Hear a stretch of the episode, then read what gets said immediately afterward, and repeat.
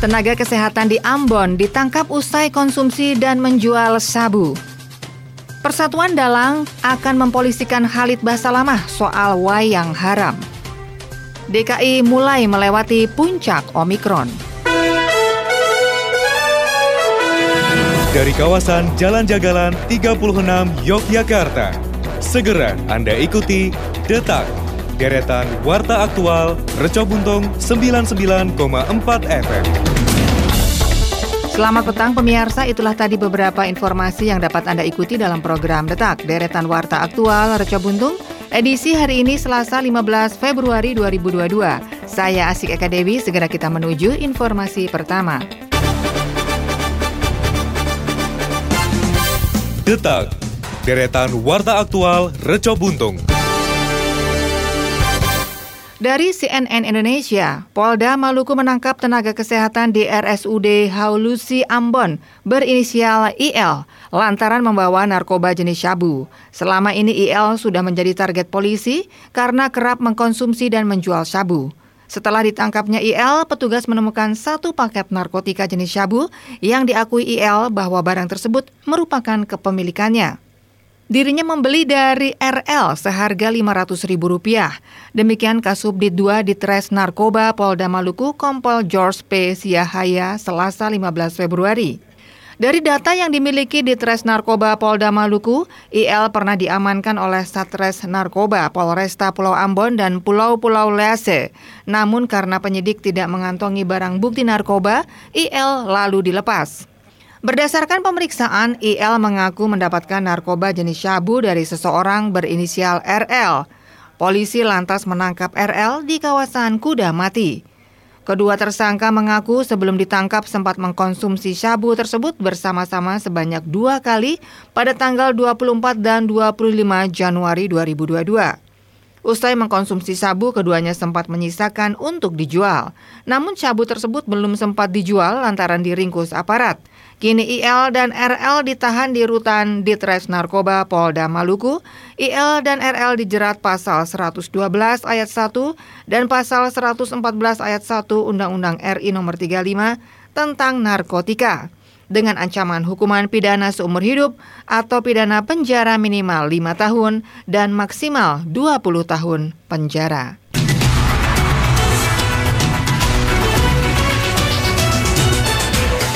Pemirsa Persatuan Pedalangan Indonesia Pepadi ex Karisidenan Banyumas, Jawa Tengah berencana melaporkan Ustadz Khalid Basalamah terkait ceramah soal wayang. Video ceramah Khalid Basalamah tentang wayang haram dalam Islam sudah beredar luas di media sosial. Koordinator Wilayah Pepadi Ex-Karesidenan Banyumas Bambang Barata Aji mengaku pihaknya biasa saja ketika ada pernyataan wayang haram. Namun ia berkeberatan jika wayang perlu dimusnahkan. Bagi dirinya sudah biasa wayang disebut bid'ah atau wayang barang haram. Tetapi ketika ada kalimat wayang sebaiknya dimusnahkan, hal itu sudah menantang perang. Demikian dikatakan Bambang Barata Aji. Bambang juga menjelaskan bahwa wayang merupakan tradisi yang turun-temurun di Indonesia. Riwayatnya panjang dan mempengaruhi budaya masyarakat Indonesia. Bambang lalu memberikan kesempatan kepada Khalid Basalamah untuk meminta maaf. Jika tidak, dia berencana membawa ke ranah hukum dengan melaporkan ke Bares Krim Polri. Dia memberikan waktu 14 kali 24 jam atau maksimal pada tanggal 1 Maret mendatang sebelum melapor ke polisi. Sebelumnya video potongan ceramah Halid Basalamah beredar luas di masyarakat. Dalam video, Halid tengah menjawab pertanyaan dari jamaah soal posisi wayang dalam Islam. Menurut Khalid, meskipun wayang merupakan peninggalan nenek moyang, bukan berarti tradisi itu harus dilakukan. Kalau memang itu peninggalan nenek moyang, kita bisa kenang saja sebagai tradisi zaman dulu, tapi bukan berarti harus dilakukan sementara dalam Islam dilarang, sehingga bagi muslim harusnya meninggalkan wayang. Demikian Khalid Basalamah dalam ceramahnya. Halid lantas menyarankan agar jika seseorang dalang mau bertobat, maka harus memenuhi tiga syarat, yaitu meninggalkan dosa besar, menyesal, dan berjanji tidak mengulangi lagi. Ia juga menyarankan wayang yang dimiliki untuk dimusnahkan. Terbaru Khalid Basalamah mengucapkan permohonan maaf kepada semua pihak terkait ceramahnya soal wayang. Dia mengaku tidak pernah menyebut secara gamblang bahwa wayang haram. Pemirsa, Ayo kita kompak dan serius mencegah penyebaran virus corona dan lindungi anggota keluarga dengan anteng di rumah saja. Jika terpaksa keluar rumah, segera mandi dan ganti baju setelah dari luar rumah. Stop menggantung baju setelah dipakai di luar rumah. Ganti baju segera sesampainya di rumah. Jangan bersandar atau menyentuh apa pun sepulang dari bepergian. Hindari kontak dengan anak-anak atau anggota keluarga lainnya sebelum mandi dan ganti baju. Pemirsa, kita hentikan sejenak detak reca buntung untuk kita ikuti kumandang adzan maghrib untuk daerah istimewa Yogyakarta dan sekitarnya. Allahu Akbar Allah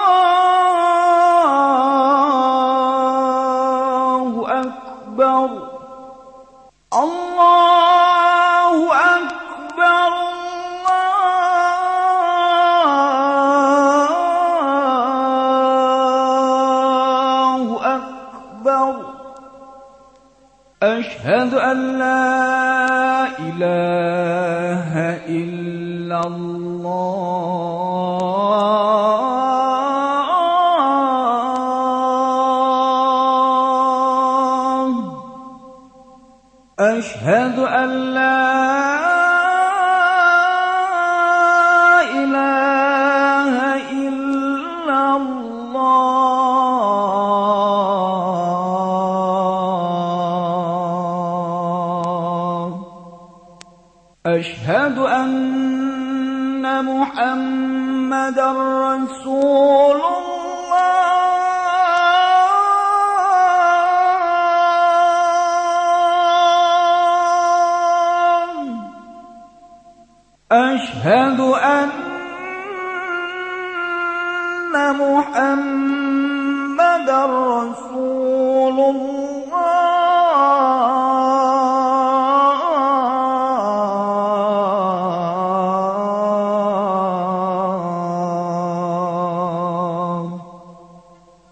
Aí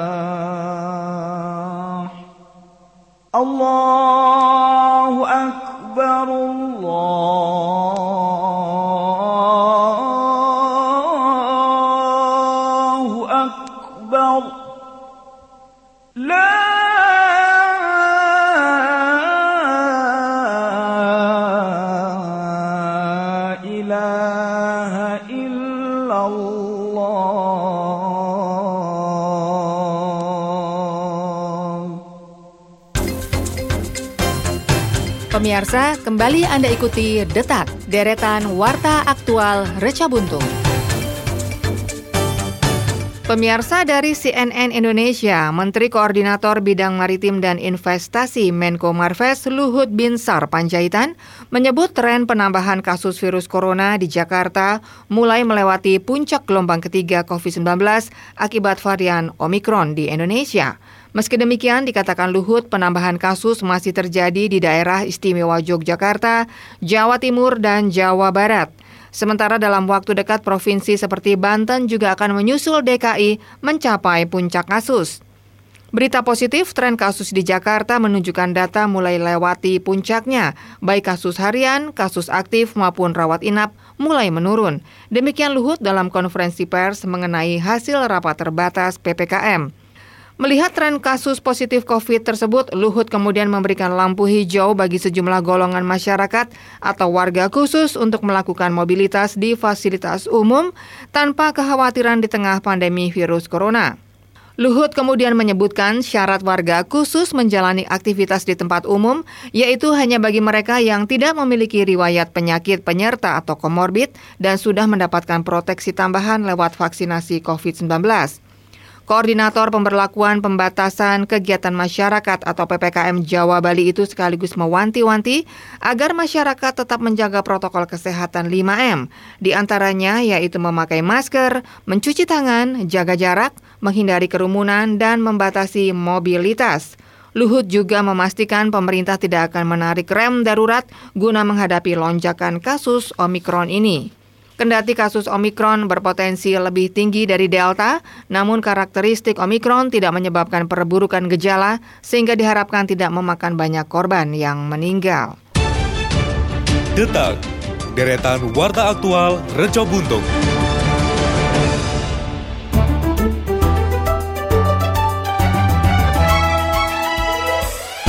Baik pemirsa, masih Anda ikuti Detak Deretan Warta Aktual Raja Buntung bersama saya Asik Eka Dewi. Segera akan hadir rekan-rekan reporter yang akan menyampaikan beberapa berita daerah di segmen Jogja Selintas. Terima kasih Asik. Jogja Selintas diawali dari Sleman.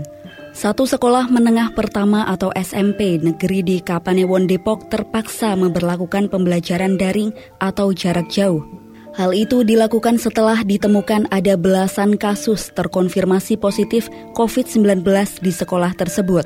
Total 15 positif. Sekolah sudah daring sejak beberapa waktu lalu. Demikian Panewu Depok Wawan Widiantoro, Senin 14 Februari 2022. Menurutnya, 15 kasus positif COVID-19 di lingkup sekolah tersebut adalah guru dan siswa. Saat ini, Pembelajaran tatap muka diberhentikan dan belajar berganti daring sampai batas waktu yang belum ditentukan. Para pasien positif menurutnya saat ini sedang menjalani isolasi mandiri atau isoman. Tracing juga sudah dilakukan dan kini sedang menunggu selesai isolasi.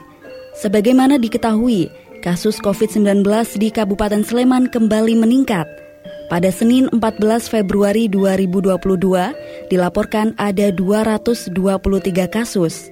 Sehari sebelumnya, Minggu 13 Februari 2022, laporan harian kasus COVID-19 bahkan tembus 463 kasus. Selain di lingkungan sekolah, kasus penularan COVID-19 di wilayah Kabupaten Sleman juga ditemukan dari klaster keluarga, perkantoran, hingga tenaga kesehatan. Bahkan, Pelayanan kesehatan di Puskesmas Induk Turi, Kabupaten Sleman terpaksa dipindahkan ke Puskesmas Pembantu atau Pustu di Bangun Kerto. Sebab sejumlah tenaga kesehatan di puskesmas tersebut dikabarkan positif COVID-19. Gedung induk puskesmas kini sementara ditutup untuk disterilkan.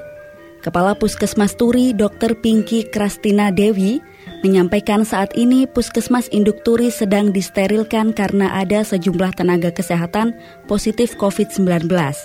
Ia enggan menyebut berapa nakes yang terinfeksi COVID-19, sebab menurut dia meskipun ada nakes yang belum terkonfirmasi positif tetapi terkena tracing atau pelacakan, maka sementara harus menjalani isolasi.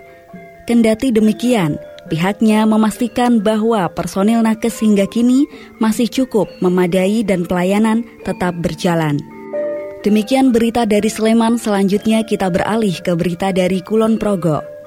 Pemirsa Serikat Pekerja yang tergabung di dalam Konfederasi Serikat Pekerja Seluruh Indonesia atau KSPSI Kabupaten Kulon Progo menolak secara tegas terbitnya Peraturan Menteri Ketenagakerjaan Nomor 2 Tahun 2022 yang mengatur pencairan dana jaminan hari tua atau JHT di usia 56 tahun.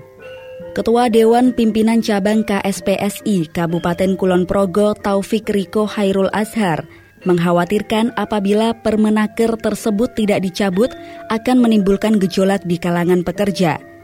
Apalagi kondisi pekerja saat ini banyak yang tertekan akibat dampak pandemi COVID-19.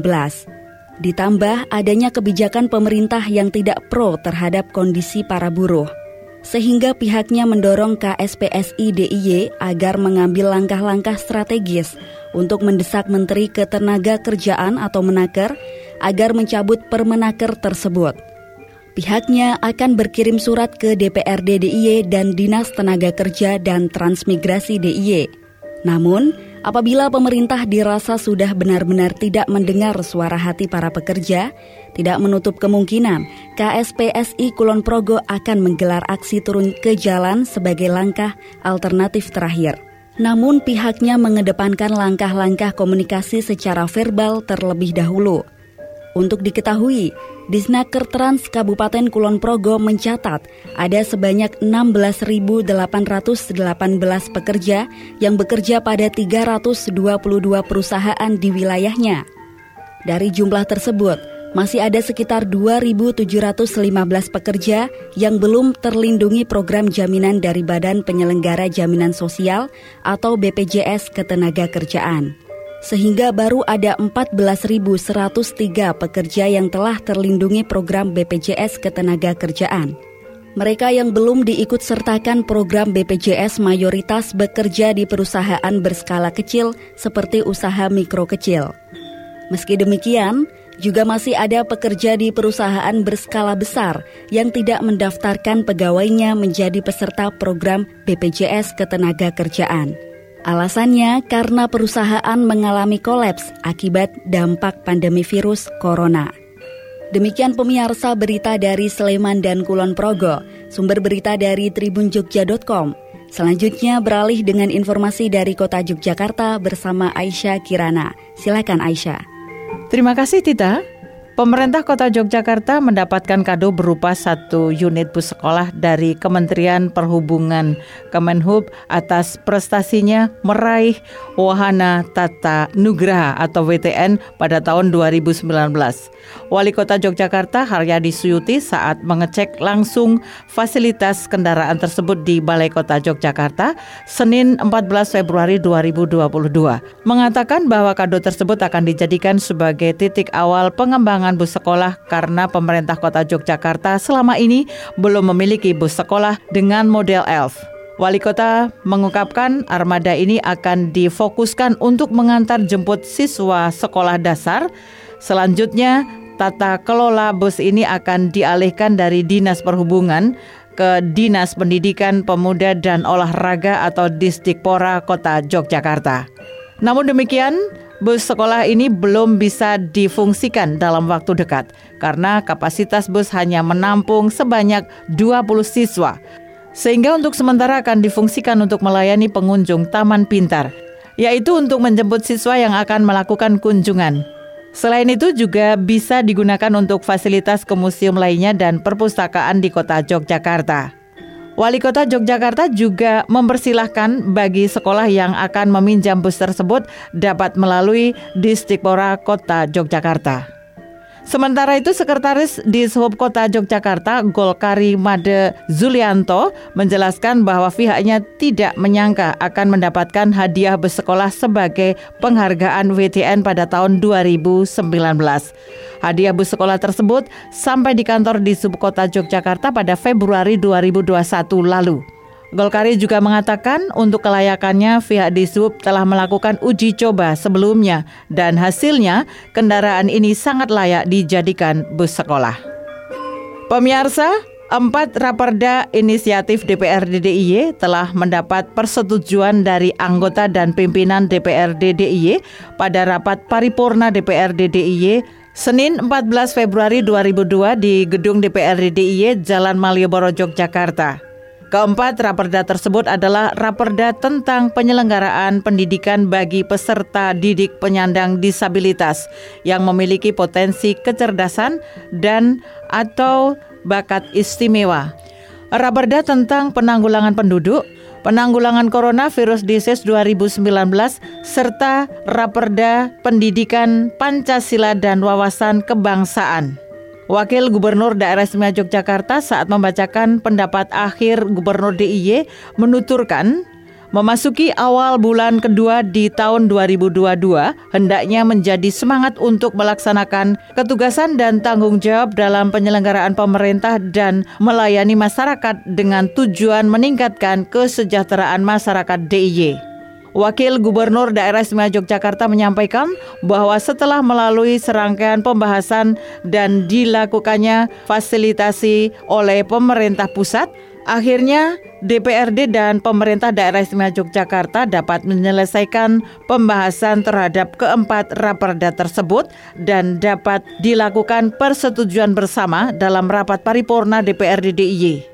Sri Paduka juga menjelaskan empat raperda kali ini merupakan inisiasi DPRD yang senantiasa akan menjadi pedoman bagi seluruh elemen di daerah istimewa Yogyakarta terutama pemerintah daerah dalam menyelenggarakan pemerintahan terkait dengan keempat bidang yang diatur dalam Raperda. Sebagai pedoman hukum, maka harapannya adalah dapat tercapainya tujuan yang diinginkan sebagaimana dimaksud dalam masing-masing Raperda.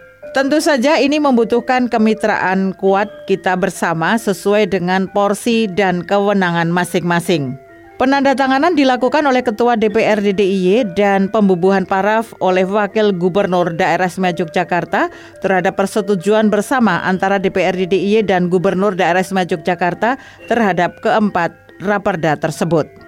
Di sisi lain, Eko Suwanto, Ketua Komisi A DPRD DIY dari fraksi Perjuangan menegaskan, ke depan lewat penetapan Perda Pendidikan Pancasila dan Wawasan Kebangsaan bisa menginspirasi semua pihak dalam menjalankan ideologi negara ke dalam praktek kebijakan publik juga kehidupan keseharian. Tujuan Perda Pendidikan Pancasila dan Wawasan Kebangsaan adalah mewujudkan semangat nasionalisme, nilai Pancasila dan cinta tanah air di kalangan ASN dan rakyat daerah istimewa Yogyakarta. Mewujudkan pengaturan keistimewaan DIY yang berbasis kearifan lokal dan mewujudkan persatuan dan kesatuan bangsa, mewujudkan kerukunan dan ketentraman masyarakat. Melalui perda ini bisa menjadi landasan hukum berkaitan dengan pelaksanaan Sinau Pancasila dan beri tanggung jawab kepada Dinas Pendidikan Pemuda dan Olahraga, Badan Diklat, Kesbangpol, Dinas Kebudayaan guna menyusun program kegiatan dan dukungan dana yang memadai. Gelar Sinau Pancasila lewat pendidikan Pancasila dan wawasan kebangsaan. Demikian informasi dari Kota Yogyakarta. Saya Aisyah Kirana kembali ke rekan Tita untuk menyampaikan berita dari Bantul dan Gunung Kidul. Terima kasih Aisyah, pemirsa kembali bersama saya Tita Ulfa dengan berita dari Bantul dan Gunung Kidul. Berita pertama dari Bantul. Pemirsa pemerintah Kabupaten Bantul meminta semua lurah untuk mengaktifkan kembali semua shelter yang ada di masing-masing kelurahan. Penanggung jawab shelter Pemkap Bantul Tarsius Glory menyatakan bahwa shelter milik Pemkap nyaris penuh seiring meningkatnya kasus COVID-19. Pada data hari Minggu 13 Februari 2022 kemarin, Sertel Patma Suri yang berkapasitas 60 tempat tidur sudah terisi 56. Selain itu, tidak menutup kemungkinan Pemkap Bantul juga akan mengaktifkan kembali Balai Pengembangan Sumber Daya Manusia atau BPSDM milik Dinas Pertanian DIY sebagai shelter COVID-19.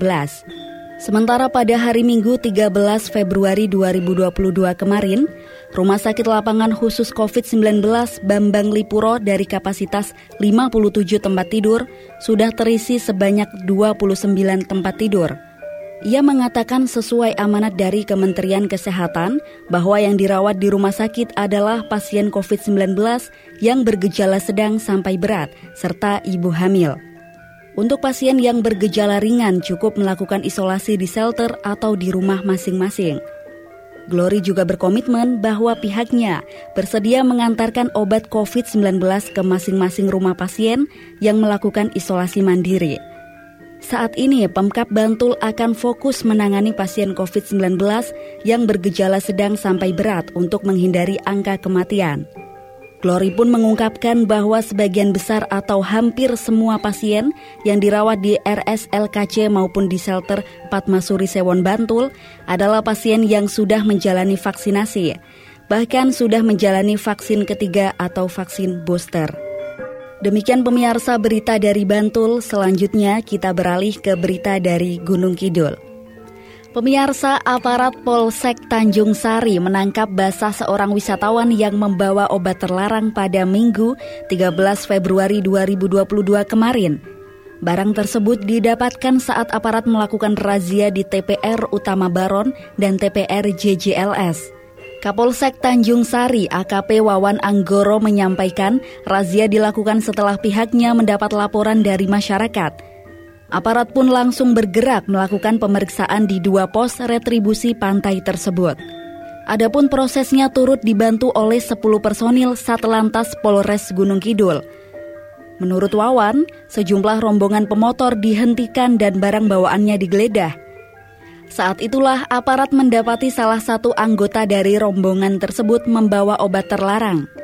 Obat yang dibawa merupakan jenis alprazolam 0,5 mg Tak hanya itu, dalam pemeriksaan tersebut ada rombongan wisatawan yang kedapatan membawa minuman keras atau miras. Miras yang disita antara lain tiga botol arak Bali, dua botol gedang kluto, serta anggur merah dan bir masing-masing satu botol. Aparat selanjutnya meminta rombongan tersebut untuk tidak melakukan kegiatan yang bersifat mengganggu ketertiban. Adapun mereka diketahui hendak berwisata menuju pantai. Terpisah, Kasubag Humas Polres Gunung Kidul AKP Suryanto menyampaikan, wisatawan yang membawa obat terlarang sudah diamankan. Yang bersangkutan diserahkan ke unit narkoba Polres Gunung Kidul. Petugas juga melakukan tilang terhadap 11 unit sepeda motor karena kondisi kendaraan tidak standar dan tanpa surat lengkap. Meski demikian, dipastikan tidak ditemukan barang berbahaya lain seperti senjata tajam. Patroli akan terus dilakukan untuk mengantisipasi aksi kenakalan remaja di kawasan wisata. Demikian pemirsa informasi dari Bantul dan Gunung Kidul. Sumber berita dari tribunjogja.com.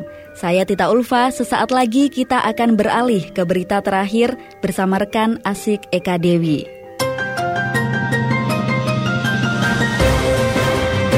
Terima kasih untuk rekan-rekan reporter yang sudah mengabarkan informasi di segmen Jogja Selintas. Dan pemirsa, sekarang kita sampai ke informasi yang terakhir. Detak, deretan warta aktual Reco Buntung. Dari Tribun Jogja.com, munculnya fenomena parkir liar di Jalan Mataram atau pintu masuk teras Malioboro II disikapi jajaran pemerintah kota Yogyakarta dengan menyiapkan skema antisipasi. Ditegaskan proses penataan masih terus bergulir seusai relokasi pedagang kaki lima dituntaskan. Wali Kota Yogyakarta Haryadi Suyuti menuturkan fenomena parkir liar tersebut merupakan konsekuensi dari keberadaan teras Malioboro II yang aksesnya dibuka juga dari sisi timur atau Jalan Mataram. Menurutnya, Pemkot Yogyakarta siap melakukan kajian supaya proses penataan berjalan lancar. Nantinya akan didalami terlebih dahulu, baru akan diatur tata parkirnya sehingga pedagang merasa nyaman dan pengunjung juga nyaman. Artinya akan dituntaskan jangan sampai pengunjung juga kesulitan datang ke teras Malioboro. Lokasi parkir liar di Jalan Mataram sendiri terbukti dapat menarik minat pengunjung karena TKP Abu Bakar Ali yang berada di sebelah utara dinilai terlalu jauh.